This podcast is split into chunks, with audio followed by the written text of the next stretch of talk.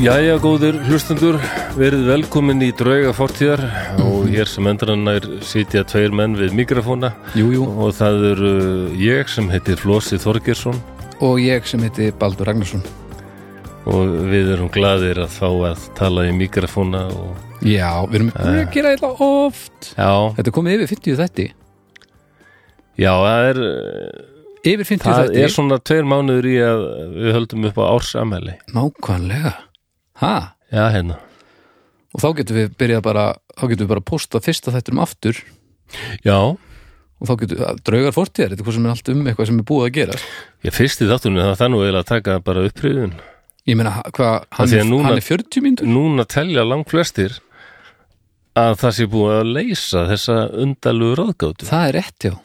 Herðu, það, við hérna þurfum að koma með svona update Já. ef, að- að svoleiðis kemur upp Já, það er finna það? það er ekki búin að finna hann hérna ekki Sjúbi Taylor, hvað heit hann?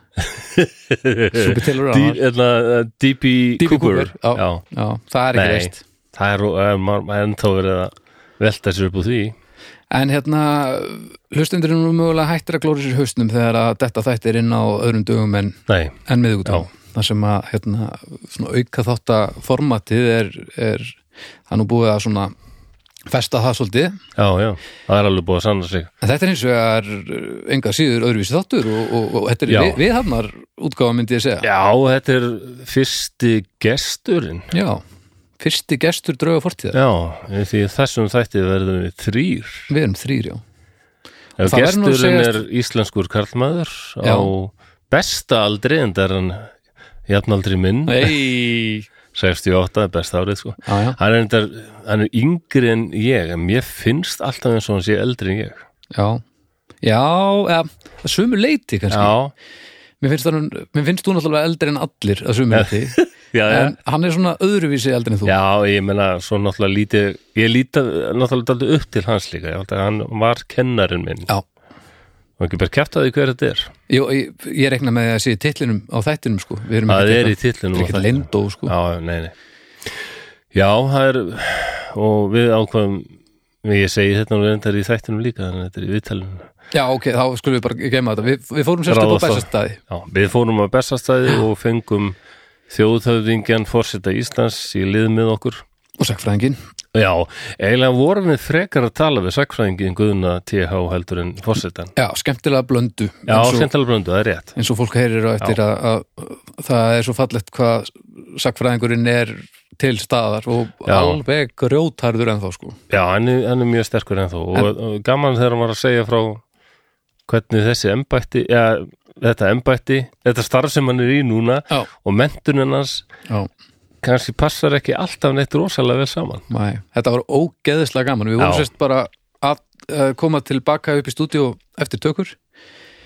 Og ég átti alveg vonað að þetta er gaman. Ég átti náttúrulega vonað að ég er á sögulegum útivelli sem var rétt af því að þarna voru tveir menn sem eru þokkalega Já. vel að sér. Já, já, en þetta var ægilega gaman. Já, og hérna það verður gaman að leikur að heyra þetta. Fyrst ætlum við þó að, að minnast bara á, á hljóðkirkjuna, eldsnögt jú, því hérna uh, vitum nú af þessum þáttum öllu saman já uh, það þarf alltaf að telja það alltaf upp Nei, nei, nei, nei, nei, en eh, svona ef þú vilt minnast á einhvern einn, hvaða þátt myndur þú tala, uh, minna, vilja tala um núna, annan en draugana? Af þessum þáttum? Já. Ég var að því að ég hef ekki hlustað á listamenn en Já, þú þarf ja, að það. þeir eru nú báði tónlistamenn þá hef hef ég svona taldið verið að spá í það Já, ég var að hlusta, sko. ég var að hlusta á síðasta þátt, það sem, er- þeir, sagt, þetta eru Örn Eldjörn og, og Valdimar Guðmundsson, góður vinnir og þeir kom með topp tíu lista. Og, og hérna, síðasti þáttur var lönd, eða, já, þátturinn fyrir viku, tí, topp tíu lönd. Og sá Já, þáttur já. er alveg ævinn til að. Já, Þetta, já. þeir eru mjög, þeir eru svo góðir vinnir, maður er einhvern veginn svona, þetta er svona flugavegg Það er mjög gott. Og ég vil nú líka minnast á alveg dagsatt sem er á, á sunnudum. Að, hérna, það, finnst, það finnst mér ógeðislega skemmtilega þáttur. Það er sem sagt að dagur og hann er aðalega að- hann er sko það er ekki það, við höfum nú haft áhyggjur af því daldi og verið bent á svona það er slagsíða, þetta er miklu miklu fleiri karlmenn já, já, heldur nú konur í hljóðkirkjunni. Já, já. Og hérna og við bara svona erum að, reyna að retta það bara eins og, eins og tækifærin svona bjóðu upp á en dagur til þess að ákvaða að hann talar alltaf við viðmælandi hvernig þetta og er að skiptast svona á þessum sögum sem maður segir miljónsinn og partísögurnar og, og hann ákvaða að tala fyrstum sinn bara við konur já, ok, fyrstum sinn já. allavega fyrstum sinn, Já. en ég veit svo sem ekkert hvert hann, hvert hann stefnir með þetta sko. Nei, en eh, já, fyrir viku var það Ásamarinn sem var hjá honum er þetta svona viðtalsþáttu bara er hann, þetta er spjall. Þetta er, þetta er ekki svona viðtals svona ekki eins og snæpi og talaðu fólk nei, nei, þetta er ekki svona kannski verið beint að reyna að kynnast einstaklingum heldur bara að setjast niður njóta stundar skiptast á sögum og bara svona segja þessa sögu og þá yfirleitt kviknar önnur saga hjá, hjá hinnum þetta er Ó. mjög skemmtilegt ok, dott, þannig að hérna, ég mælu með því að fólk tekja þessu já svo erlend hlaðvarp, má, má tala um þau? Já, má, hvað Já, sko, þú varst búin að sko. benda mér á hlaðvarp og svo eitna, vorum við nú að drekka kaffi. Mm um daginn, þá var Jóhann Hermansson vinnur okkar og, og hann segir upp á einu hljóði bara flósið, þú þarst að hlusta á No Dogs in Space. Já, ertu byrjaður? og það var einmitt þetta sama hlaðvarp sem hérna, Akkurat þá þau segja, nei, nú er ég bara að byrja á þessu. Og ég, ég rendi við hvað þau eru að tala um. Já, þá þau segja náttúrulega, hvað er að mér að vera ekki lungu byrja að hlusta á þetta? Þetta er bara, þetta er bara punk, þetta er bara allar mínar þetta er bara punk yfirferð. Er mjög vandað og, skemmtilegt. Já, en þau byrja þau, ég hefði sá hvað hvar þau byrjuðu, þá ég segja já, þe- þetta fólk veit, veit þau vita bara sannleikan, Hvað var það? Stúdis? það eru þau stúdíu Já. sko, sem mér finnst bara einn merkilegsta hljónsett og sérstaklega hafa maður áhuga punki, þá er þetta gífulega mikilvæg hljónsett þannig að stopnuð um 68 69 í, eða 67 hérna, eða lók 7. ár þau er sem sagt Detroit já. og hérna er oft talað um svona al fyrsta alvöru punksveitin sko. ekki pop er náttúrulega þekktur söngveri Svo erum við að þetta er tala, bara tala um Ramones og, og Slits og Damned og Dead. Kennedys og Joy Division Joy Division já. Já, og alls konar alls konar Þannig dót sko. það er mjög skemmtileg hlaðar, það er maður áhuga þessu Og ertu byrjaðar að hlusta þessu? já, ég er ennþá að hlusta á stúdíus Já. þau, þau taka alveg, þetta eru nokkri þættir í hverju hljómsveit sko. Já, Það er, og þau hella sér mjög vel í þetta Þannig að ef þið eru hérna músík aðdáðundur og, og punk aðdáðundur að núti No Dogs in Space það, Mhm. er, það er ekkert rosalega erfitt að mæla með því og ég held að þetta sé ég held að þetta sé eitthvað samanlið og er með last podcast on the left nú er það, já. Ég held ég að, hef heyrt það heiti er það ekki einhver svona samsteipa? Allavega, frábært Já, út. Já, ok. Herru, svo hérna viljum við nú tala um styrtaræðalan sem Já. er Borg og Bríó. Frábæri þessi styrtaræðilega er, ennþá með okkur. Já, heldur betur. Og það eru, það eru fréttir. Nú, það er ný, nýr bjór. Það er að koma nýr bjór. Ó já, það er sunna. En það er er sko ekki svona árstíðabjór eitthvað, páskar eða Nei, sko, við, við, við erum bara með þetta hérna. Þetta er sem sunna pale ale númer 74,1 af því að sunna uh, hefur verið til áður já, og uh, svo uppskrifta númer 74 en það var eitrað glundur. Já, Já, já, jú, jú frá, frá þínu bæjundir í síðan þá var þetta alltaf var þetta djöfullin en 74,1 því er sér satt bara sama uppskrift með einhverju tvisti og þessi er sem sé eh, 1,9% já. Og þetta er ale sem er ég, til samanbörðar er venjulegu pilsnir 2,25 þannig að Já, gamli pilsnerinn þetta er alveg óhætt að drekka sunnu og keira svo með fjölskylduna til keflaugur, það ætti alveg ætti að vera lagi, held ég. En, en, já, já, en veist, það fer nú kannski eftir hverjum og einum. Já, já. En, en sunna ætti svo ekki að hafa þau áhrif að Nei, öllum við getum ekki. Maður haldi allt innu að maður geti bara keirt á 180 og hefði fullkomna stjórn. Nei, það, áfengi er nú alveg ég veit ekki um neitt fíknetli sem einhvern veginn bara telur manni svona trúum að maður geti allt í einu hluti sem maður áður fyrir var alveg vissum að maður geti alls ekki. Ah, Já, syngi þetta lag með vitni í Hjústun Já, ég skelli mér það Ég, já, menn það En hvað, maður heyrir nú af hérna, ég, ég hef prófað að- önnu fíknetli maður heyrir nú stundum af hérna síru sírutrippunum sem uh, fólk heldur að geti flóið Jú, sem er eiginlega aldrei rétt. Nei, það, það er lefnilega mýta sko. nefnilega mannskettnani er bara mjög ófleig svona ein, ein Já, ég hefði myndir að sko. það væri sko ekki rétt að allir sem taka síru fá einhverju svoleiðis Nei, nei, nei, öruglega ekki Nei. Al, nei, öruglega ekki, bara alls ekki af því að þá erum við miklu fleiri mennska fugla að sópa upp hérna á, á lögðarsmótum reknaði með já, já, já en hérna, en allavega ég ætla að hérna lesa ég fekk smá post frá, frá Bríó, Borg já, um, um, upplýsingar um sunnu. Nú verða allir dagar sunnudagar. Þarna. Eh, Sunna er mjúk og mild peilir útgáfa sem er, uh, sem er væntalega með hækkandi sól, ilmandi af Idaho 7 og mósæk humlum. Skritt humlakindinni fögru í bleiku tekur Sunna virkan þátt í bjórbyltingunni sem er eiga sér staði betri verslunum, en Sunna er aðeins 1,9%. Þannig að upp með sólglerugun því við erum öll á leiðin í safaríkt ferðalag til söðrana landsins þar sem allir dagar eru sunnudagar. Og Sunna 74,1 er sem sé komin í meilabúðina að fjárða kaup krónuna og ranga og hlýðarkaup, hagkaup og, og, og víðar og líka krana á allavega skúlakraftbar og mögulega víðar sko. mm, Þannig að í ljósi þess að við erum búin að taka upp þátti núna þá getum við bara smakkað sunnuna á meðan þeir hlustu á það. er það Já, já, ég meina, töfrar uh, hérna, podcastis, töfrar Já, útvarsleikusins. já Innhaldsefnið er Íslenskt vatn, maltað bygg, hafrar, maltað kveiti, humlar og ger. Vá, Já, já, hittari, þetta væri alveg á topp 50 úst. Já, já, sjáum hvað gerist. Nú, þú ert alveg hafna bara. En heyriði, meðan við Æ. smökkum þetta og segjum okkur, segjum ykkur síðan bara, við segjum ykkur hinum megin hvernig hérna, við fýlum þetta. En Er, þetta er ale, maður finnur það strax. þetta er peililjá. Já, En nú ætlum við að leiða ykkur að heyra spjallið sem við áttum við Vá. uh, Guðna TH já, uppi á Bessastöðum hérna rétt á hann Gjörðu svo vel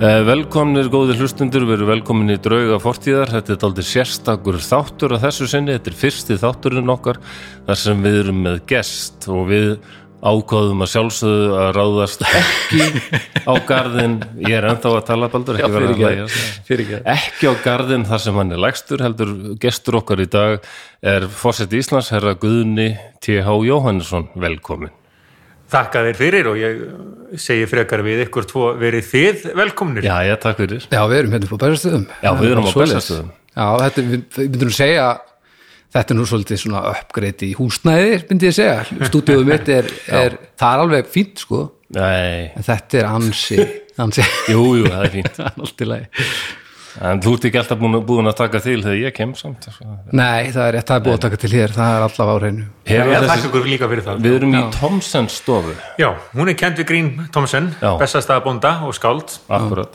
Hann bjó hér uh, á setni hluta uh, 19. aldar og ólst upp á bestastöðum og uh, þekktur um margt auðvitað fyrir sinn uh, kveðskap Jú, jú. og svo var hann í dönsku utaríkis uh, þjónustunni og uh, kom svo heim og, og, og var hér bóndi og uh, er grafinn hér Já, já, Áður en þetta var skóli eða? Uh, Nei, eftir það. Eftir það, já. Hér var bestastaðskóli uh, um miðbygg 19. aldar og svo er hann færður til Reykjavíkur. Já, Hér voru þeir, Sveinbjörn Egilson, kennari og, já, og Jónas Hallgrímsson meðal nefnda. Engar konur náttúrulega, þær Nei. voru ósýnilegar í sögunni, Já. sögu þessarar efri stjætta uh, samfélagsins á þessum tíma. já, já það hefur verið að ganga í svolítið tíma líka þetta svona búið að vera svolítið svolítið sem ekki Jú, það er, segi kannski sitt líka af því að þátturinn heitir Draugar fortíðar að þekktasta konan í sögu bestastaða á þessum fyrri öldum Já, já. er einmitt þekkt fyrir meintan draugagang. Apollonia Svartskopf sem var hér og eh, annarkort var henni ráðin bani eða hún stytti sér aldur en eftir það, eftir andlát hennar á hún að reyka hér um ganga en ég hef ekki fundið neitt hér nema Nei. hlýja ströma Ok, og uh, uh, get aðeins sagt það um hennar meintu tilvist hér sko þetta er rosalegt nafn. Apollonia Schwarzkopf. Það- Já, já, og allir hún hafi allir, hvað hétt hann nú, Svartskoff hersöðingi jú, jú, Norman Svartskoff já, Er ég nokkuð að fara rámt með eftirnafn hennar? Nú, nú sækir það með kvíði, ég held að já, Jú, jú, Já. Svartskoff var þetta. Já. ef það sækir að kvíði þá ertu á heimavelli í þessu laðarbyggið það, það er mikið tekið af honum. Já, já, við hérna reynum þá bara að glíma við hann á okkar eigin forsundum og, og hérna hjálpum stað. Já, já, já, en draugar fortíðar, já, það er já, þetta við þurftum bara eitthvað flott nafn. Já en sko en þú kynntir hann inn sem sko forsetan fyrst og fremst en svo Já. ertu náttúrulega sagfræðingur Jú, Já, já, við Flossi kynntumst náttúrulega á þeim vettvangi. Flossi var í sakfræðinni og við höfum, ég ekki segja, við höfum marga fjörun og sopið. Jú, við höfum nú gert það. Já, Þú komst inn hjá mér til dæmis þessari við erum náttúrulega- jafnaldrar, það er bara nokkur Já. mánuður á mill okkar og munum, þú komst inn hjá mér þessum, þessari, þessum áhuga á þorskastriðunum og kannski maður segi það bara strax að við ætlum að tala aldrei mikið um þau Já. í, núna. Já, Já, og ég, og, ég er náttúrulega að hugsa að við erum náttúrulega að byrja því fyrir en síðar af því að, Já, já. af því að, af Bara- því að ég hugsa að það þurfa að stoppa ykkur af. Já, já, það gæti verið. Og sagfræði sem slíka daldið sko. Já, ég tók vel eftir Flossi líka. Að þú sýndir svo mikinn áhuga eh, afdrifum eh, Baldurs, skutógarans sem við tókum í þjónustu okkar í, í Þorskastriðunum Já, og ég fæ stundum eitthvað svona hvort sem það er fólk að þetta var í fyrsta skipti hlutir og það er kannski ágætt að spyrja því, þig sem sakfæðing hversu nálægt mámaður hversu tengdur mámaður verða viðfáðsætninu hérna, ég má nú ekki kjafta mikið því að ég er nú að vinna einum draugaþætti um aðalega ákveðna mannesku og ég fæ alltaf eitthvað sting í hjarta þegar ég Já. sé mynda þessari mannesku og, og meira sem ég hérna eh, tengi við hann minnir, ég man ekki hvort það var Erla Hulda Hákonadóttir eða Íris Ellenberger Erla Hulda Halldórsdóttir. Halldórsdóttir, fyrir ekki. Held að við fyrir ekki að vera Erla Hulda sem skrifaði einhvern tímann í sögu og hún skrifaði um konu sem var löngu dáin sem hún hefði verið að rannsaka eitthvað á þessi og, og sérstaklega sögu þessar konu en hafði aldrei sér mynd af henni. En svo berst henni mynd af konunni sem hún vissi ekki vera til og hún fær þennan sting í hérta mm. þegar hún sér allt í hennu myndin af konunni sem hún er búin að lesa svona mikið um og finnur til einhverja undarlega tilfinninga bara. Já, ég held að löngu gengina persóna. Já, í- sko eigum við alltaf að uh, uh, hafa einhverja ástríðu, ég held að það sé mikilvægt að, að við höfum áhuga á því sem við erum að glíma við, því sem við erum að skoða og rannsaka. Uh, en auðvitað getur sá á, áhugi ekki alltaf verið uh, væntumþykja eða virðing, það segir sér nú sjálft því að þau eru nú margir kaplarnir í mannkynnsugunni þess eðlis og, og uh, margir leikendur í sögunni þess eðlis að, að okkur getur ekki þótt væntum þá sem hlut. Alveg alla. Þannig, en, en, en, en það þarf að vera til staðar held ég e, e, þessi brennandi áhugi á Já. viðfámsefninu en samt eitthvað hlutleysi Já, sem hefur sjálfnast verið rauninni það ekki? Jú, það, og það er svo erfitt líka þegar við förum að sko pæla í tilgangi þess sem við erum að gera mm. og ef við lítum á uh, liðna tíð og, og uh, tilgang þá er það oft þannig að sagan verður vopn valdhafa hverju sinni einmitt við Íslendingar Já. og fyrir mig persónulega er þetta mjög athyglisvert því að e, við getum sagt það sem svo að fyrsta skilda sagfræðings séum mitt eins og vísar að, að, að stefnað hlutlægni. Mm. en e, það er nánast skrifað í starfslýsingu e, þjóðhöfðingja að e, vera bjart sín og leita að því sem sameinar okkur sem þjóð frekar enn því sem sundrar okkur. uh, horfa til liðinar tíðar og finna það sem vel var gert og hampa því og horfa kannski frekar frá hinnu sem sundraði og sundrar og mun sundra. Og þetta er ansi snúið finnst mér nú þegar ég er e, á þessum stað en hef þennan bakgrunn að e, vilja e, skoða það sem gerðist, skoða söguna á hlutlægan máta mm. og án þess að hugsa fyrst hvað kemur ríki og þjóð best Já. þannig að þið hérna megið sína mér vissa samúð í, Já, í þessum efnum Ég, fulla saman Klálega, sko. Ég held að ég væri tauga rúa frá morgunni til kvölds bara Nei, ég hef stundur sko þegar fólk er að spyrja um með sagfræði, er það ekki skemmtilegt nám og svona ég hef stundur sagt, jú, en þetta er náttúrulega hættulegt starf Já, og, og, sko, bara, hvað áttu við með því? Hættulegt, en það er og það er ekkert nýtt undir sólinflósi ég, hérna, ég rifjaði upp fyrir þennan þátt eh, til dæmis aftan úr fornöld úr, úr uh, grískri fornesku að uh, þar var sagnarritari Herodótus uh, þekkt nafn úr þeim heimi. Og hann uh, skrifaði hygglaust um galla grísku herfóringjana hvar þeim hefði orðið á og hvernig þeim hefði jafnvel mistekist í, í, á vettvangi.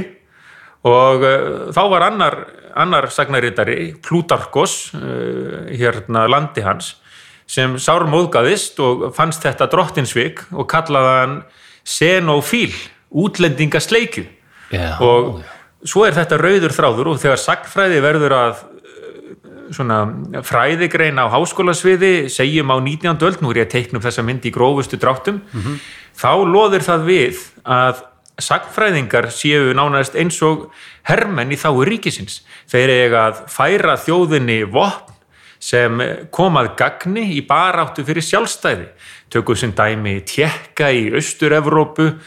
Þar eru sagfræðingar uh, í farabrotti nú eða uh, aðrar þjóðir þar. mm, Íslandingar Já, Jón Sigurðsson, Já. Jón Forseti var okkar fremsti uh, sagnaritari ef svo má segja á, á hans tíð eða í hópi þeirra. Og hans framlag uh, til sögu landsins ótvírætt.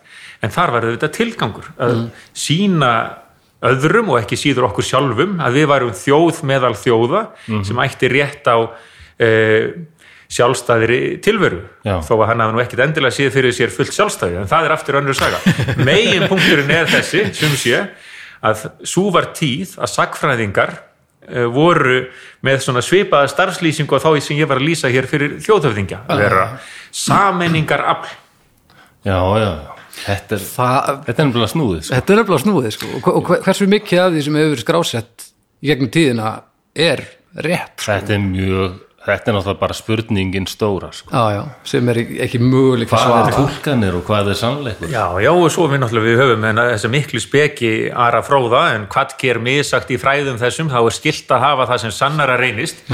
Og ef maður rínir náið í þessa speki þá er þetta nokkurn veginn þannig eins og hann sé að halvpartinn að ég segi nú ekki afsaka sig en var að lesendur við því að hann var nú að taka saman þessa sögu fyrir biskupana, fyrir Já. valdastjettina Já, já, já. og, uh, og hérna þetta er svona fyrirværi uh, hérna uh, verktakans a- a- Ara fróða það er stórkoslegt, ég vil aldrei sé þetta beint með þessum En er það hvað- íslendingabók þá? sem Já. er bara, já, já, maður verður að tryggja sig maður já. Jú, já, það er rétt sko.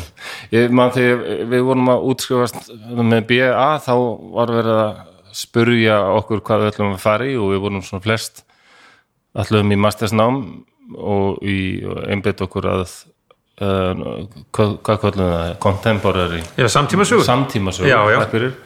nema eitt sem sagðist þetta já ég er búin að skráða mig í miðaldafræði og þá sagði ykkur svona með glotti út í annað og sagði já bara play it safe. Já fara auðvöldu leiðina sko. Það eru allir búin að vera dánir í 500 ár eða meira og ekki, lítil hætt á að styggja annarkvort viðkomandi eða afkomendur hans. Jú, jú, vissulega lægir öldurnar og uh, jafnvel skulum við segja nánast í bókstaflegri merkingu þegar þorskastríðin eru annars vegar. Já. því að uh, þau eru að mínum mati mjög gott dæmi um uh, lifandi sögu.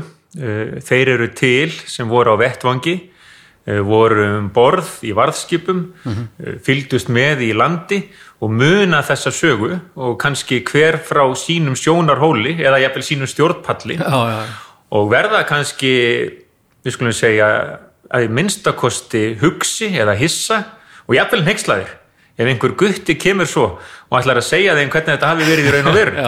Og því byð ég um og legg ríka áherslu á það við uh, þá sem ég uh, var þeirra gæfa aðnjótandi að kenna í fræðunum og uh, ítrekka við sjálfa mig að við verðum að sína vissa auðmygt við sem höfum einsett okkur eða einsettum okkur að, að, að læra sögu, læra sagfræði og viljum vinna á þeim vettvangi.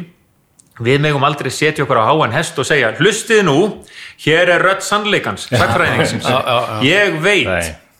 Það má aldrei vera þannig Nú skal En ég segja hvernig það var. Einmitt. sem þú varst. En á hinbáin megum við líka byggjum svipað sjónarhorn frá þeim sem voru á vettvangi því að þeirra upplifun, lífsreynsla og sín á söguna hlýtur að mótast af mörgu leiti af því hvar þeir stóðu hverju sinni. Já, já, Þetta þurfum við bara öll að hafa í huga. Og við verðum að muna að það er ekki til neinn ein útgáfa sögunar Nei. og uh, það er einmitt það sem gerir hana svo skemmtilega og þess vegna finnst mér að hlutverk valdhafa sé ekki að koma á framfæri hinni einu sönnu sín á söguna heldur að glæða áhuga fólks á liðinni tíð fá fólk til að sjá að hér er fortíðin í allri sinni flóknu mynd og við getum stíðinni þér fæti hér og þar og allstaðar. Við getum skoðað þorskastriðin frá sjónarhóli varskipsmanna, við getum skoðað þau frá sjónarhóli stjórnmálamanna sem höfðu aðra sín, við getum litið á afstöðu eh, mótherjanna, anstæðinganna, óvinnanna já, já. og þar fram eftir göttunum og svo getum við tekið ennþá víðara eh, hérna sjónarhorn og sagt við sjálf okkur að nú við ætlum að skoða sögu uh, barna til forna. Við ætlum að skoða sögu lyktar, við ætlum að skoða sögu tónlistar, við ætlum að skoða hvað eina? Já. og það er því miður þannig að í huga kannski eldri Íslendinga er sagan ennþá með stóru essi og greini og eitthvað sem kemur af ofan og þú átt að læra að hafi verið svona. Já, en svo er bara alls ekki draunin. Þann drömmur minn dálítið með þessu hlaðarpið einmitt að, að koma sögunni til fólk sem um, já, ég hef sagt það áður að hérna, fyrsta skipti sem ég held fyrirlestur um Þorskastríðin 2000, uh, 2016 þá heldum við nú báðir fyrirlestur um, um þetta í háskólanum. Og hérna þá kom Ragnhildur Kristjánsdóttir kennari minn, frábæk kennari og professor núna í sögu við Háskóli Íslands eh, að mér og sagði hérna ég hef nú aldrei haft sérstaklega gaman að þessum þorskastriðum þetta var alveg frábært. Þetta er bara besta hrós sem ég fæ Maður átt að- og þetta alveg skilið flósi. Og uh, þessi saga er auðvitað mjög skemmtilega á marga vegu. Og nú íkjum við aðeins. En í grófum dráttum hefur sín margra Íslendinga uh, verið svo að hér hafi einhuga þjóð staðið saman og haft fullan sigur í hvert og eitt einasta sinn. 1958 færðum við lögsöguna úr fjórum sjómílum í 12 og höfðum sigur 61. 72 er fært út í 50 sjómílur og við höfum sigur 73 og svo aftur endur tökur sagan sig með útfærsli í 200 sjómílur 75 og fullur sigur 76. Alltaf erum við einhuga, alltaf er rétturinn algerlega okkar megin og alltaf höfðum við fullan sigur. Og þegar betur er að gáð, þá Árétt? ég mér að halda því fram að hér þurfum við að gæta okkar aðeins Já. og raunin er svo til dæmis að þegar samið var um e, lyktir fyrsta þorskastriðsins svo kallaða e, 61 þá varð nú upp í fótur og fytt e, e, þeir sem voru í stjórnar anstöðu þá, sósialistar og framsóknarmenn kölluðu þetta landráða samning kvöttu til fjölda mótmæla og hér var ekki á ferð einhuga þjóð, vægast sagt og ekki heldur fullnaðar sigur því að það var gefið eftir á ýmsum sviðum. Sama sagan endur tekur sig 72-73, það er hver höndin upp á móti annara í aðdraganda útfarslunar. en þá er einmitt sko þá er þeir komnir í stjórn Já, þá er þeir svona í stjórn sem voru á móti, sko, já, Já. já, framsóknarmenn, alþýðu bandalag og, og skamlífu samtök frálslindra og vinstri manna.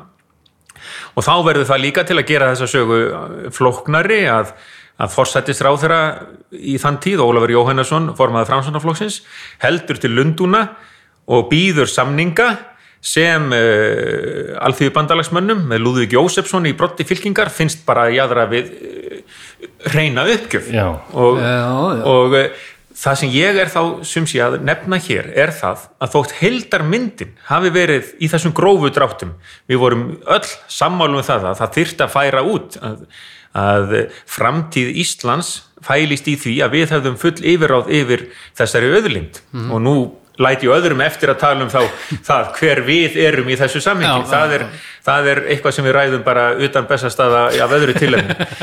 En sum sé uh, þetta er full einföldu sín á það sem gerðist í raun og veru. Já, og uh, rosa mikil romantík sko. mikil romantík samanber það líka að þessi sín var uh, líka ansi ríkjandi þegar við horfðum á okkar sjálfstæðis barátt og þá kannski horfðum við framhjá því að, að almúin var kannski ekki áberandi í því umstangi öllu saman. Að réttindi einstaklinga voru ekkit endilega það sem vakti fyrir þeim sem börðust fyrir auknu sjálfstæði frá dönum. Hér þurfti almenningur að rýsa upp og losna undan oki vistabands og þar fram eftir göttunum og það var ekkit endilega efst í huga valdastjættarinnar.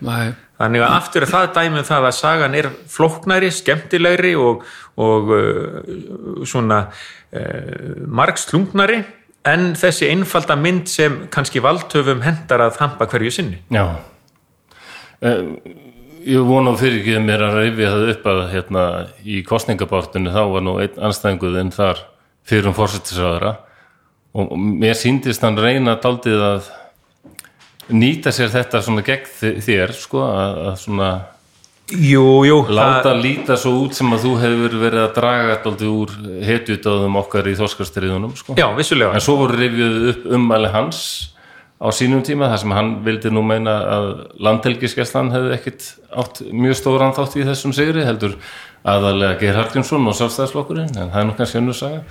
Jú, þetta er bara gott dæmið það að sagan er vopn í samtímanum Já, og uh, ekki ætla ég að kvenka mér undan því en það, en það komst ég hingað. Uh, en öllu gamni fylgir nokkur alvara. Uh, uh, þetta er ekkert sér íslenskt fyrirbæri ef út í það er farið. Nei. og uh, mér finnst mjög gaman uh, og ég held að við öðvöldins betri skilning á þessu ef við horfum til dæmis út fyrir landsteinana og tökum þá anstæðinga okkar í landhelgi steilum og þorskastriðum breyta tökum uh, sko vinsæla sín í Bretlandi á setni heimstyrjöld uh, og þá draugum við ekkert úr hetju dáð til dæmis breskra orustuflugmanna sem tóku þátt í orustunni um Bretland og var jafnvel við ofureflað etja eða þær raunir sem bretar þurft að þóla í, í The Blitz eins og, eins og þeir kalla það. En uh, ef við tökum undir þær rattir að þarna hafi verið barist um framtíð vestrata menningar og þarna og bara þarna hafi úslitin ráðist þá horfum við fram hjá ansi stórum hluta setni heimstyrjaldar mm. og uh, það held ég að sé ekki heilla vannlegt tökum líka uh, stríðshetju þeirra Winston Churchill. Uh, ég er hérna félagi í Churchill klubnum á Íslandi og hef mjög gaman af, Winst, af því að skoða sess Winstons Churchills í sögunni. En allt áhuga fólk um sögu veit að sá sess er ekkert óumdeldur Nei. alls ekki, þvert á móti uh, og ég hygg að þeir séu ansi fáir sem hafa svona uh, raunverulegan áhuga á sögunni sem sjá ekkert rámt við atferðli Winston Churchills og sín hans á, á framtíð mannkins eða hvaða kostum uh, sumir uh, hérna uh, sumar þjóðir búi yfir og aðrar ekki og þar fram til göttunum og vanda ég nú mjög málmeitt En er allir sammálaðir með þetta í Churchill klubnum eða er mikil spenna? Nei, ég hef ekki, ég hef ekki látið reyna á þetta þar Nei, ok. en ég hygg að einmitt í Churchill klubnum séu auðvitað þeir sem eru hlýðhollir Winston Churchill og telji Já. hann hafa lagt mikið til uh, mannkynnssögunar og, og ég skal taka undir það. Já, en ég byrð hins vegar um uh, sem sé uh, hinn að flóknari mynd frekar en góðsögnina Já, já, og, og, Já, og förum líka aðeins, förum yfir Norðursjóin, förum að Danmörku.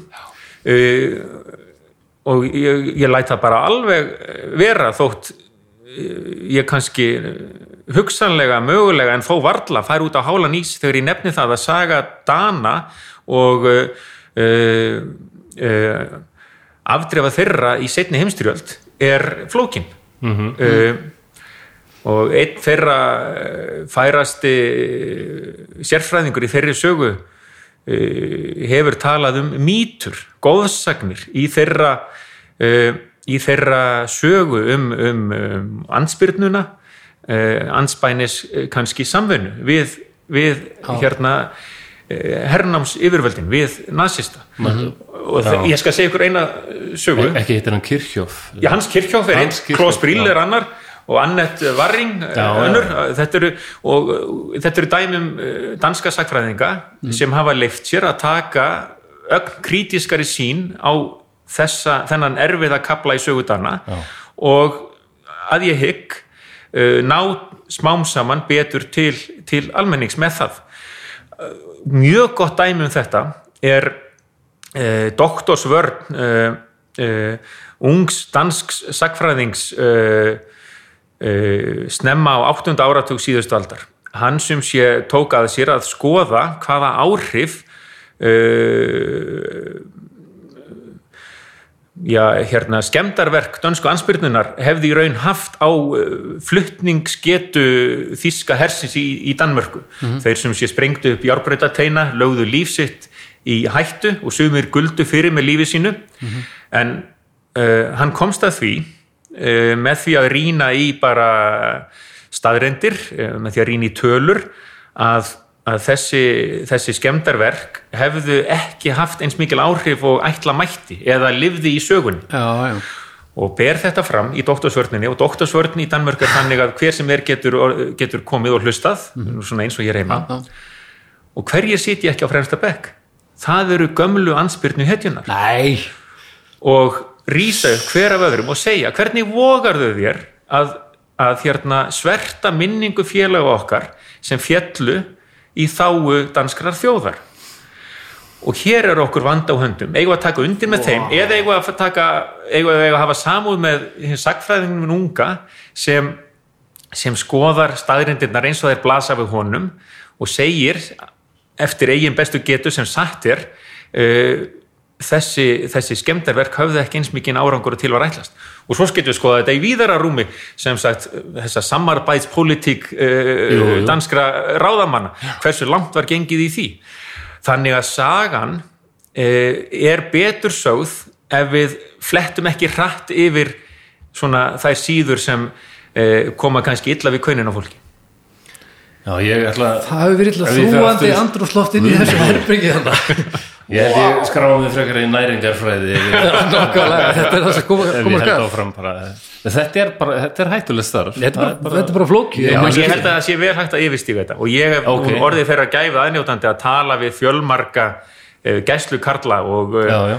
og uh, ef við rínum til dæmis í endurminningar þeirra þá sjáum við líka að þeir voru aldrei alltaf uh, á einum málum hvað þetta gera hverju sinni Nei, nei, nei, ég, ég það skal taka dæmi þann, þann hérna, einn af þeim allra hörðustu á vettvangi, Höskuld Skarpíðansson sem var nú breytunum ansi skeinuhættur uh, með Baldur Baldur, að skip, Já, já, skip, já. við vorum alltaf með þátt um Já, Baldur búin að gera þátt, já. friðsveitan frá Dalvík þar sem við fókuserum bara daldi á sögu varskipsins Já. Og þess, þessi þáttur fekk rosalega góðu móttökur. Höskuldur lýsti því vel, við munum kannski hérna aðeins fyrir þættinu var ég að tala um hvernig það hefur verið deildar meiningar um, um breytasamningin eða landhelgisamningin 1961, honum fannst það bara hreinn nauðungar og uppgjafasamningur sem aldrei hefðu átt að gera, Já, já. við hefðum bara átt að halda standa, standa fast á okkar rétti, 12 mílur og ekkert Já. og breytanir hefðu lúfað. Að samaskapi í aðdragand útfæslunar í 50 mílur er hann rasandi yfir því sem hann kallar vannbúnað bæta e, gæslukostin og honum finnst eh, stjórnmálamenn margir og embættismenn draga lappirnar, vera allt of eh, fúsir til þess að semja. Harkan 60 í ein. Og hér erum við þá ekki að tala um einhuga þjóð. Uh, svo fer maður inn á þjóðskellasafn og kíkir í gögnin sér til dæmis embættismenn utaríkisráðunitis segja sína á milli að það hafi nú verið lafhægt að semja. En því miður hafi Lúðvík þjóðhætti okkar í þorskastyrðunum er svo maður að segja staðið í vegi fyrir öllum skynsalegum samningum. Og þetta eru hinn þetta eru hinn, hinn fítni drættir í þessari sögu sem við eigum að geta sagt án þess að við séum í framhaldinu vændum einhvers konar óþjóðhóllustu eða, Já, já, já. eða það að, að gera lítið úr afregum okkar manna á, á, á, á vettvangi. Og bara eitt í þessu framhaldi líka. Já, voru þorskastriðin stríð einu sinni vogaði ég mér að spyrja þess Já, já, já. og komst að þeirri niðurstöðu að e, í hinnu alþjóðlega samhengi væri kannski ekki skynsanlegt að líta svo á að þetta hafi verið stríð í samanberði við það sem við köllum stríð e, öllu jöfnu og það eru allskinn skilgreiningar til á því til dæmis hvort stríði er beinlínis list yfir eins og mér gerðu nú svona á svona, á svona herramannslegan hátt hér fyrr á öldum hér með lýsi ég yfir stríði á hendur þínu andlitið ríki. næstu því. Já, li- Já. einmitt. eða önnu skilgreining er að uh, umtalsvert mannfall hafi þurft að, að hafa orðið svo við tölum um stríð.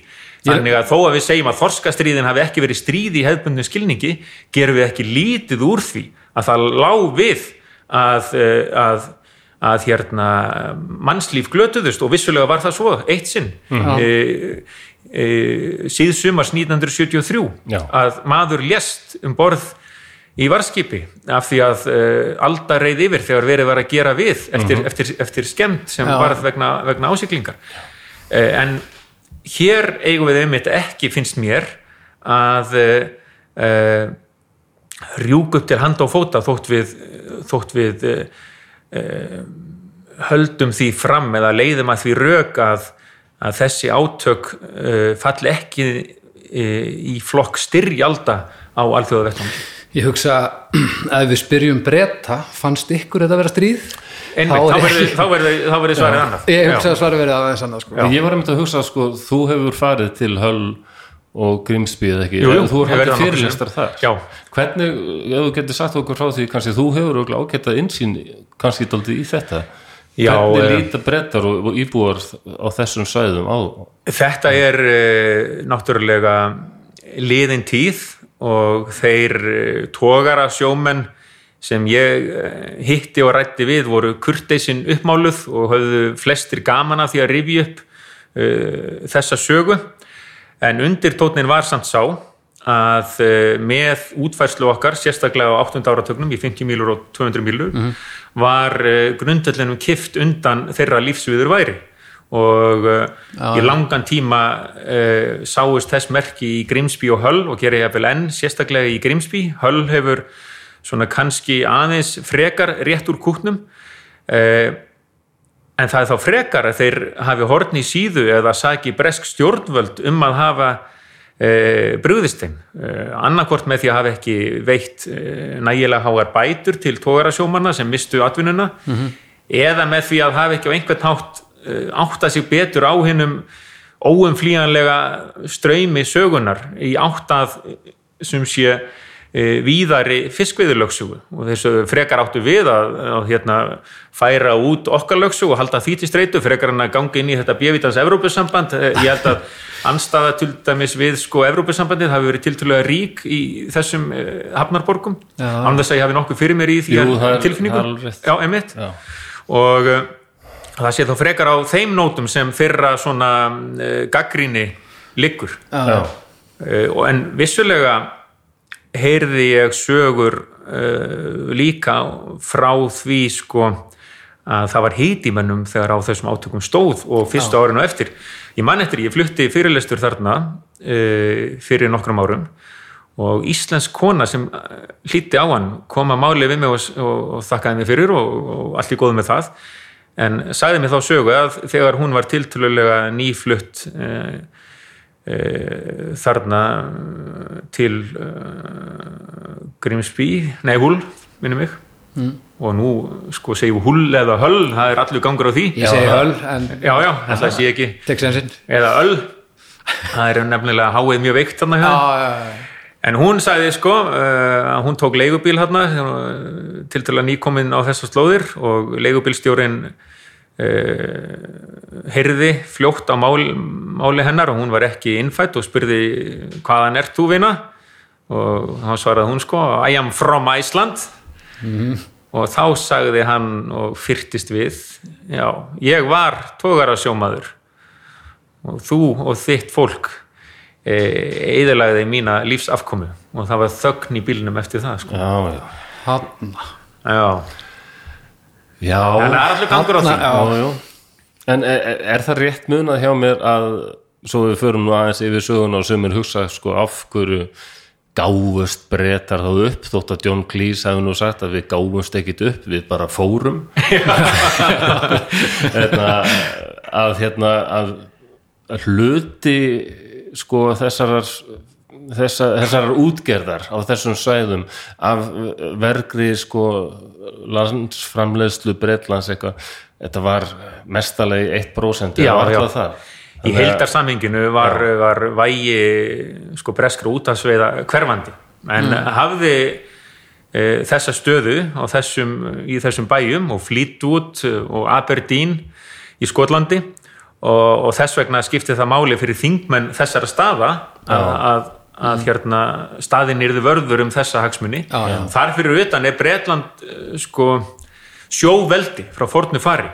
Og e, þetta var tilfinningamál að, að verja frelsi úthafanna og, og, ja, og líka í hernaðarlegu tilliti. Allan þennan tíma sem við erum að færa út lögsöguna er tekist á um hafréttarmál og uh, hernaðarveldi eins og Bretland uh, og að ég tala ekki um Bandaríkin og reynda líka Sovjetríkin mm. börðust fyrir því að landhelgi væri þröng og þeir vildu að að herskip og kafbátar gætu silt um heimsins höf Já. vandræða laust Já, og voru þess vegna á því að landhelgir alltaf vera þröng svo þá vakna spurningin um fiskveiði lögsöguna. Akkurat. Þar voru uh, sumarþjóðir tilbúnar að, að gefa eitthvað eftir og uh, breytar ekki í þeim hópi, ekki Japanir heldur, mikil útasveiði þjóð uh, og þjóðir Suður og Mið-Ameríku tóku fórustu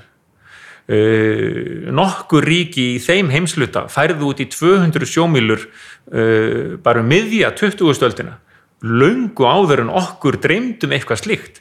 Og því hef ég líka vilja halda til haga að þótt okkar atbeinni í hafréttamálum hafi verið mikilvægur, hafi verið tekið eftir uh, skrefum okkar Íslendinga á þessum vettvangi þá getum við aldrei kynróðalaust farið til útlanda og sagt við vorum leiðandi þjóð uh, í hafréttarmálum uh, um alla tíð. Því að hvernig getur leiðandi þjóð í hafréttarmálum fært út í 200 sjómílur árið 1975 þegar þjóðir mið og Söður-Ameríkur eru búinir að því 1948 það er engin pínu Uh, vandræðilegt og þessu vil ég halda til haga svo að við verðum ekki sakaðir um svona einhvern hérkomaskap í þessum efnum. Já, já. Þarna getum við aftur borið höfuð hátt og sagt við vorum vissulega framalegi flokki í þessari baráttu og tala um hér á þessum slóðum.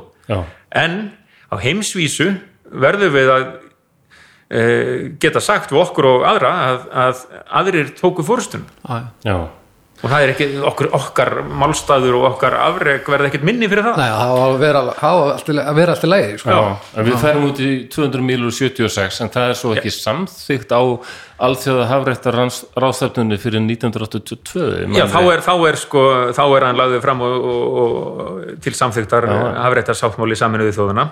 en vorum við ekki að bróta ykkur lög með því að gera þetta sex árum fyrr? Er þetta grátt Já, svæði? þ- sko, þetta er mjög grátt svæði og breytar heldur því að þetta start og stöðut fram til dæmis að 1961 hefðum við, eh, Íslendingar, eh, samið um það að risi ágreiningur um frekari skref, um frekar útfærslu, þá mætti skjóta þeim ágreiningi til alþjóða domstólsins í hag.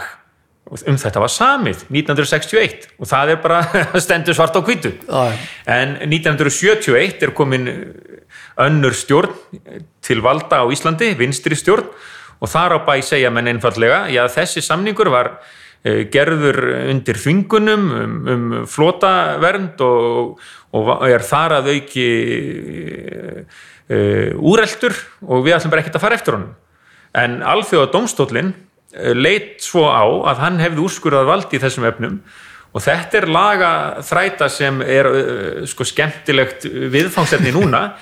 En uh, Íslensk stjórnvöld á þessum tíma tóku þann pól í hæðina að þeim bæri ekki að lúta lögsögu alþjóða domstólsins þarna að það skipti bara ekki máli í þessu lífshagsmuna máli Íslendinga hvað einhver alþjóða domstól sagði. Það er svo vafasamt. Og auðvitað er þetta skemmtilegt innleg í, í, í sko eh, hugmyndir fólks um, um fullveldi um mm. alþjóða domstóla og ákvörðunavald og, og læti þá máli mínu lokið um þann þátt. Já, þetta er, já, grásvæði allstað. já, þetta er, fló, þetta er svo En í framhald af þessu kannski, þú hefur líka góða insinn í kannski sín, almenna sín íslendinga á, á þorskastíðin. Þegar ég var, þegar þú fórst að nefna þetta við mig fyrst, sko, hvort ég vildi skrifa um þorskastíðin. Það fyrsta sem kom upp í hugan var, já, það voru ykkur skip sem heitu Týr, Ægir og Baldur og það var verið að sigla á þau. Og, og það var Já, ekkert annað sem ég mundi en svo er þetta ekki samt í sko, er þetta, er þetta ímyndin sem flestir íslendingar hafa? En er þetta ekki raun bara mjög áhugavert mál frá svona geopolítísku sjónarhorni Jú. bara? Sko, við höfum ekki minnst einu orði á kaldastríðið og við erum bandaríkja hers hér en það færði okkur einmitt uh, gott vopn í hönd. Við höfum klippunar á sjó. Já, við höfum herstöðin á landi. Já. og aftur í grófustu dráttum getum við líst þessust þannig að hérðan frá Reykjavík hafi verið hringt til Washington og skilabóðin skýr. Eh, nú þrýsti þið á valdafi London að láta undan, gefa eftir fara á brott með sín herskip því að ella vex hér anstaða við dvöl bandaríkjahers á Íslandi og veru Íslands í allarsafsbandalæginu og viljið þið nú það virkilega?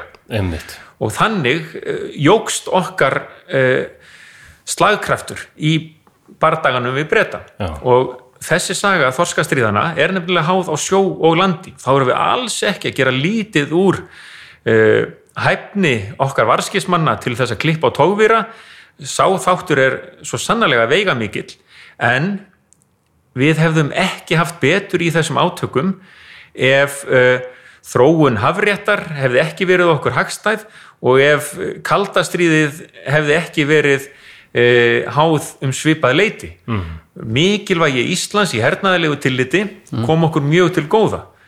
Þannig að í, í þessu ljósi er saga þorskastriðana saga átaka og sjó, hún er saga e, diplomatískra delna og hún er saga sem gerist í Moskvu, Washington og London, ekki bara Reykjavík Já. eða miðunum. ég held nefnilega bara fyrsti liðurinn skila sér til flestra sko. ég, ég það er sem er grunnið það sko. já, já. já, og ég held líka sko að við sem höfum verið um, að um, líta á þessa sögu og höfum indi af því að við eigum að geta komið öllu þessu til skila þannig að almenningur hafi gaman af og ég held að það sé frum skilda þeirra sem uh, uh, hafa af því atvinnu á vegum hins ofinbera að, uh, að uh, grúska og rannsaka liðna tíð að miðla því sem best við getum til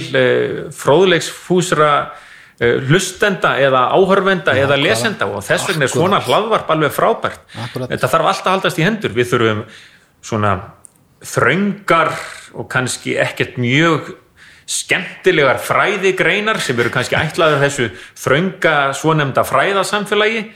Svo þurfum við miðlun af þessu tægi svo þurfum við kvikmyndir. Það var nú búin til hérna þáttaröð síðasti valsin sem Margrét Jónasdóttir eh, og, og ó, Magnús eh, Sigursson og, jú, eiga heiðurinn af.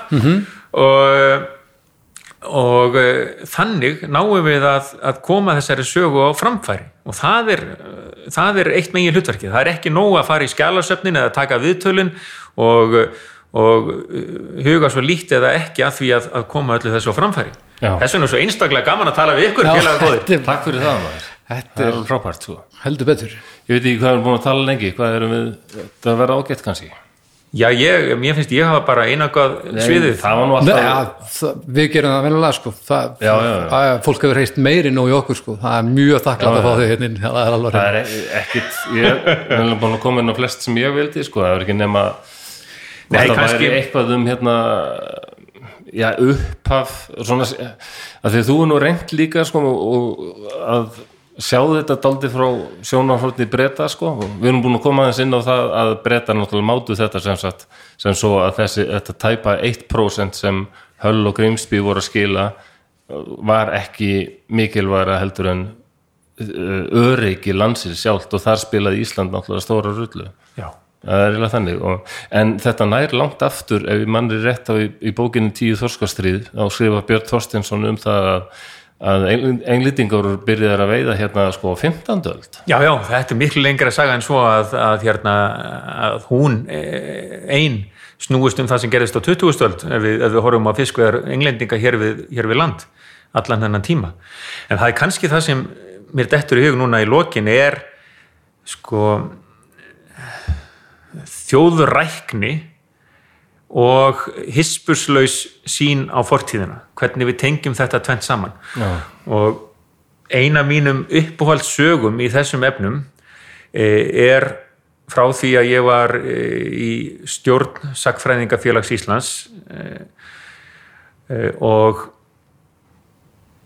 nei, nei, nú fer ég rámt með, ég var bara félagi bara óbreyttur liðsmaður í Sakfræðingafélaginu Rólegur, Já, og ég var ekki búin að brjótast til valda þar. Eins og það er nú er erfitt. En sumsjö er berst okkur félagunum nú ekki fundarborð framundan er kvöldfundur íslenskara sagfræðinga eh, um, og ég færi aðeins í stílinn um endalokk þjóðurnishyggju en með spurningamerki fyrir aftan. Endalokk þjóðurnishyggju kvöldfundur sagfræðingafélagsins þriðutaskvöldið gefum okkur Já. og líður svo býður og kemur að þinni stóru stund Já. kemur þá ekki annað tölvuskeiti kæru félagar við þurfum að fresta áætluðum kvöldfindi um endalók þjóðurnisíkjunar í því að e, strákanir okkar í handbolta eiga mikilvæg leiki í kvöld og það ætlar enginn að mæta Ó, já. talandi um endalók þjóðurnisíkju og, og, og Já. það sem ég vil kalla heilbriða ættjarðar ást við búum á þessu landi og hver eru við? Við þurfum þá bara að skilgreina okkur e, þannig að fólk eigi hér e, hluteld í þessu samfélagi en að þú þurfir ekki að geta rakið ættir þínar til Egil Skallagrímssonar eða auðar djúbúðgu til þess að geta talist einn af okkur. Nákvæmlega. Þannig þjóðrækni það er vilji til þess að uh, lifa í þessu samfélagi í sátt og samlindi við aðra sem eru á þessu skeri þessu landi. Vilji til þess að láta gott að sér leiða. Uh, virðing fyrir hinnu liðna sem felst í því að geta skoða söguna í öllum sínum blæbrigðum. Því sem miður fór og það sem vel var gert. Og án þess að vilja draga fjöður yfir eitthvað og búa til einhverja glansmynda fortíðinni sem stendst ekki. Því ef við ætlum að vera í þeim bransa að búa til glansmynda fortíðinni þá er svo afskaplega hætt við því að við freistumst til þess að gera það sama um okkar samtíð. Og við bara högnumst ekkert á því. Þannig að við eigum að segja söguna þannig að við getum uh, litið ánægð og stolt um öxl en um leið sagt uh, þarna varð okkur á, þarna er gott dæmi um það misrétti sem ég ríkti, ég ríkti.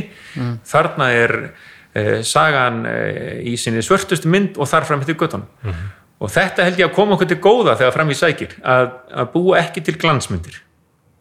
Það held ég að séu svona eins góð loka orð og hver önnur uh, í svona hlaðvar Ég held að ég sé fullkoma sammála bara. Þetta er bara þetta gríðalega vel orðað. Er- Flott. Ég er með fegin að þú ert þjóðuringi og ekki ég af því að ég hef gert ég hef gert öðruvísi og verð ég er fegin að þú ert trommarinn ekki ég. Nei, ég er gítarleikari. Gítarleikari fyrir ekki, já, Fyrir ekki að ég er í ból sko. já, þú ert- já, ert þá svo- sjaldan. já, Það er alltaf rugglast á sig. Ég er alltaf kallað bassalegarinn í ham. Amma Jóns trómara, hann, hún horfði á heila tónleika og bara, hva, af hverju er Jón að spila á gítar? Það er nefnilega svipur Jón, það nei, er Amma svipur held að ég væri Já, já. já, ok. Þannig að út ekki um þetta, engar ákjör já, guðið sér lof. Já, hjúkett búin að, sjáu þið til. Búin að fara klakklaust í gegnum þessi já. og svo þarf ég endilega að stíga á þennan hérna, stíga þetta feilspor alveg í blálökin Já, ekki fyrstur, ekki fyrstur ekki og- það að klippa þetta? Og ekki Jú. síðustur, við- getum ekki styrt þetta, það var allt og gott, þetta var, þetta var mjög gott. nei, Þetta er ljómandi bara. Takk fyrir spjallir drengi Já, takk hérlega fyrir okkur að að bjóða okkur hinga, þetta Þetta var dásanlegt Takk hérlega fyrir. Takk sem leiðis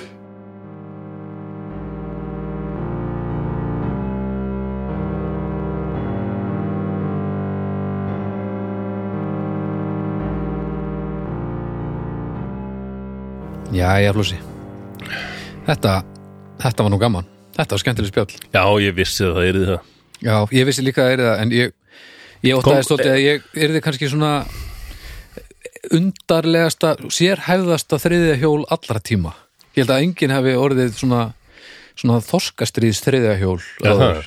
en það varð ekki sko Nei. að hann kann nú að koma fyrir sig Já, orðið, já, sko. ég vildi leifa honum að tala bara sem mest sko. Já, líka bara það er svo gaman að heyra fólk sem hefur svona brennandi áhuga á einhverju og, og kann að koma því frá sér bara eins og þú. Það er bara svo gaman að, hlusta á þenni fólk sko. það, það er það sko. Ég, Jú, ég vissi það alltaf, hann, hann er bara mjög góður í þessu og all, alltaf stutt í húmórin og hérna. Já og, og já. bara það er svo gott að finna fyrir veist, þessari brennandi ást á sakfræðinni og, og finna hann heiðarleika í henni eins og mögulegt er. Og bara er, já hann, hann hefur mikið svona mótað sko hvernig ég uh, nálgast þetta. Já, og ætla nálgast í framtíðinni því að mér langar rosalega að fara að skrá í meira nám sko, fara að læra eitthvað meira. Já Ég, ég var endar næst eiginlega búin með mastersnámi sakræði en mér guðni að fara en þá bara það vantaði eitthvað mikið. Já, Já, getur ekki fengið lána herbyggi upp á bestum og jú, klára þetta?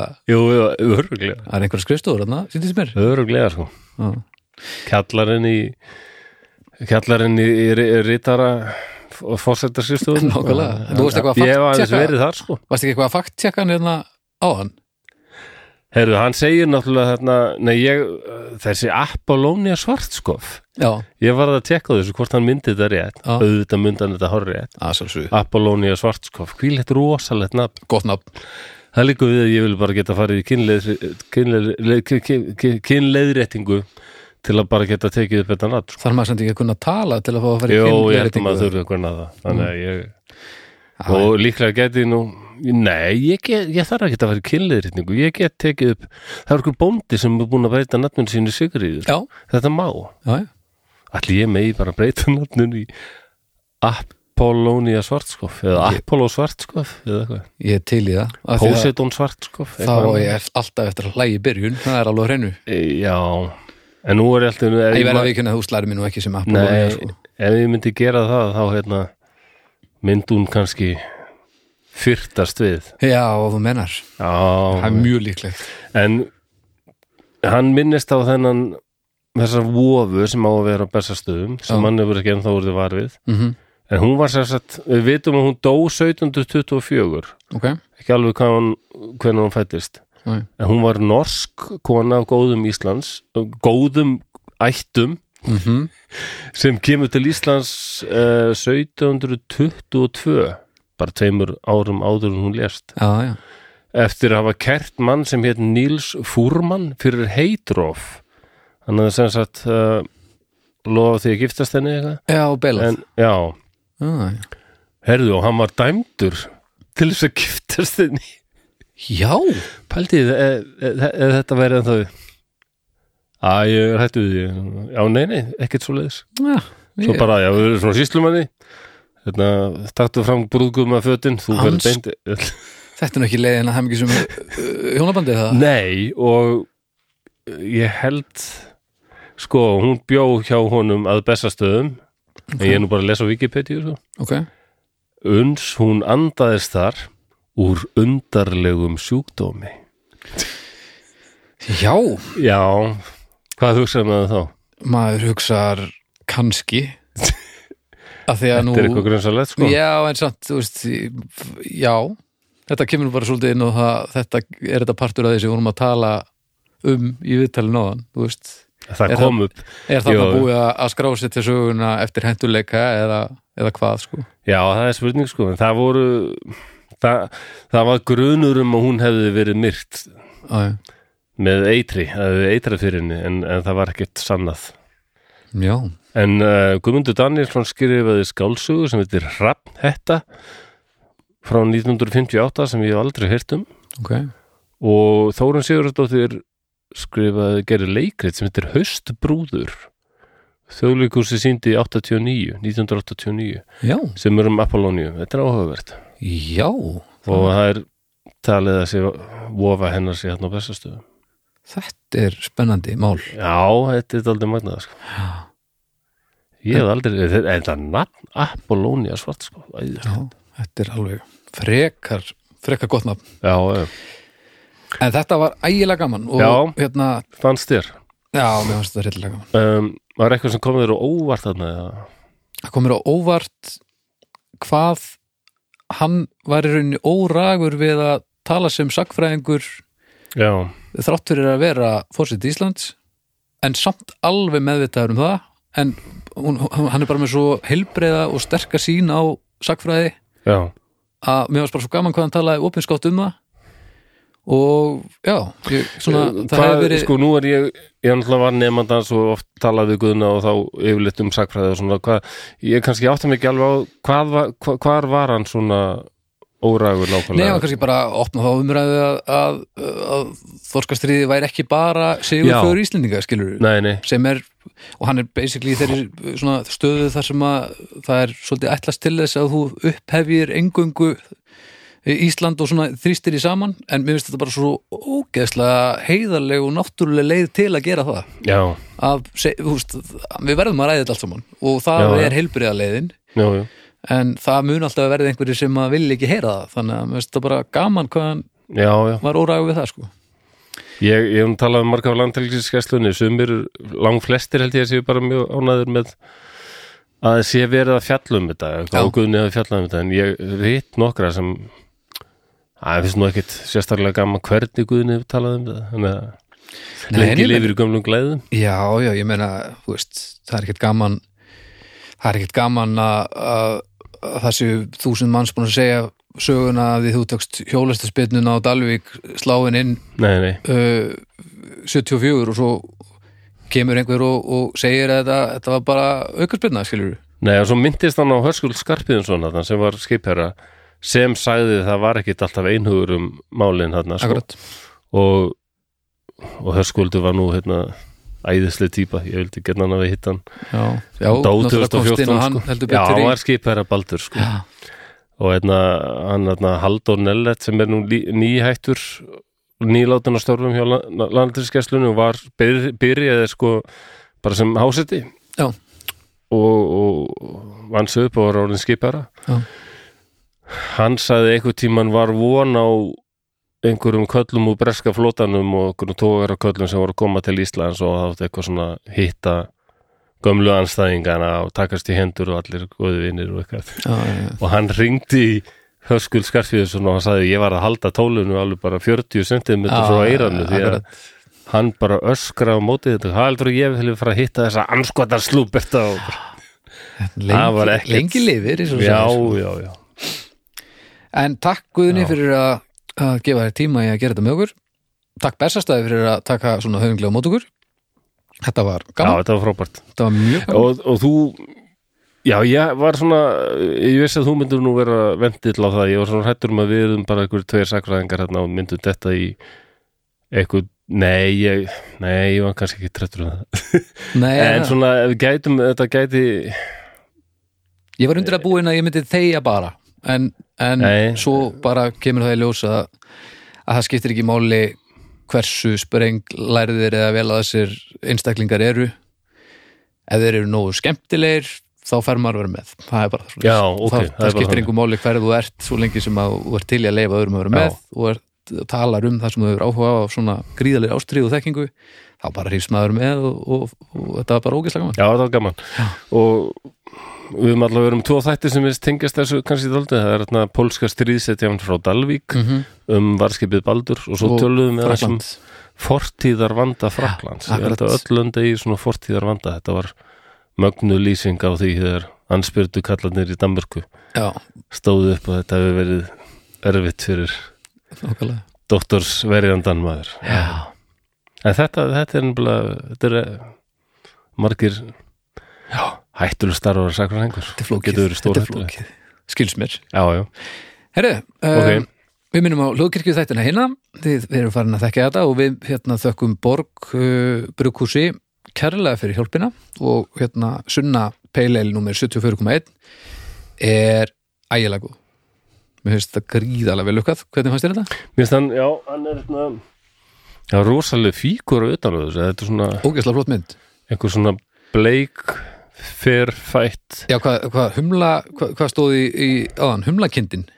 Já, þetta er svona, já Þetta er, er rosalega fíkur Já, ég held að þetta Þetta hafi krakkari eftir að reyka augun í þetta alveg að spyrja Ég held að það hafi verið það er- teiknað sem sagt, uh, það var hérna samkeppni fyrir uh, uh, það var einhver samkeppni um daginn teikningu utan á bjór. Já, hvort það verið fyrir, ég man ekki var það skúlin eða hvað, allavega. Uh, og þessi mynd var send inn já, og hendaði ekki þar en þeim fannst hún bara svo ógeðslega flott að hafa haft samband Já. við hérna, stúlkuna sem að teikna þessa mynd og, og, og hún spurði hvort það veri, veri stemmari fyrir því að, að setja hana annað. Já. Þetta er líka alveg meistarlegt humla Já. kindin Humlakindin alveg Sunna að peilegli og þetta er, er, þetta er svona frísklegur já, alveg mjög frísklegur sko. bjór, rosalega Þetta er, já, mér finnst þetta að vera algjörlega ykkur sumarfílingur í þessum bjór já, mikið sumar í ekki? þessu Já. bjóð, mikið sumar sko. út á svölum í, í 16-17 stíða hita Já. með hennar sunnu, það held ég að sé alveg málið. svo gleru Já, klálega sko. Ég er nú alltaf, alltaf með svolítið. já, nokkvæðlega, alltaf, alltaf svalur Já, já, alltaf, Já, já. Þannig að takk uh, Borg Brugus Takk fyrir að hlusta á þennan auka þátt. Við náttúrulega heyrumst þá bara næst, næsta miðvikudag. Já, Við minnum á uh, umræðuhópin okkar á Facebook Draugar, fortíðar umræðuhópur. Og svo ef þið hafið tök á þá kannski.